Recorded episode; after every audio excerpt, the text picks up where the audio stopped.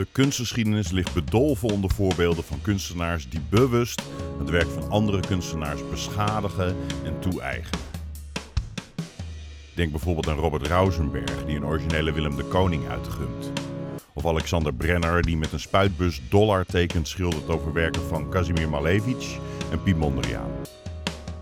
Of de Chapman Brothers, die in prachtige pastelkleuren regenbogen hebben geschilderd over enkele originele schilderijen door Adolf Hitler. In de graffiti is een dergelijke actie redelijk gebruikelijk, maar in de traditionele beeldende kunst is het nog vrij controversieel.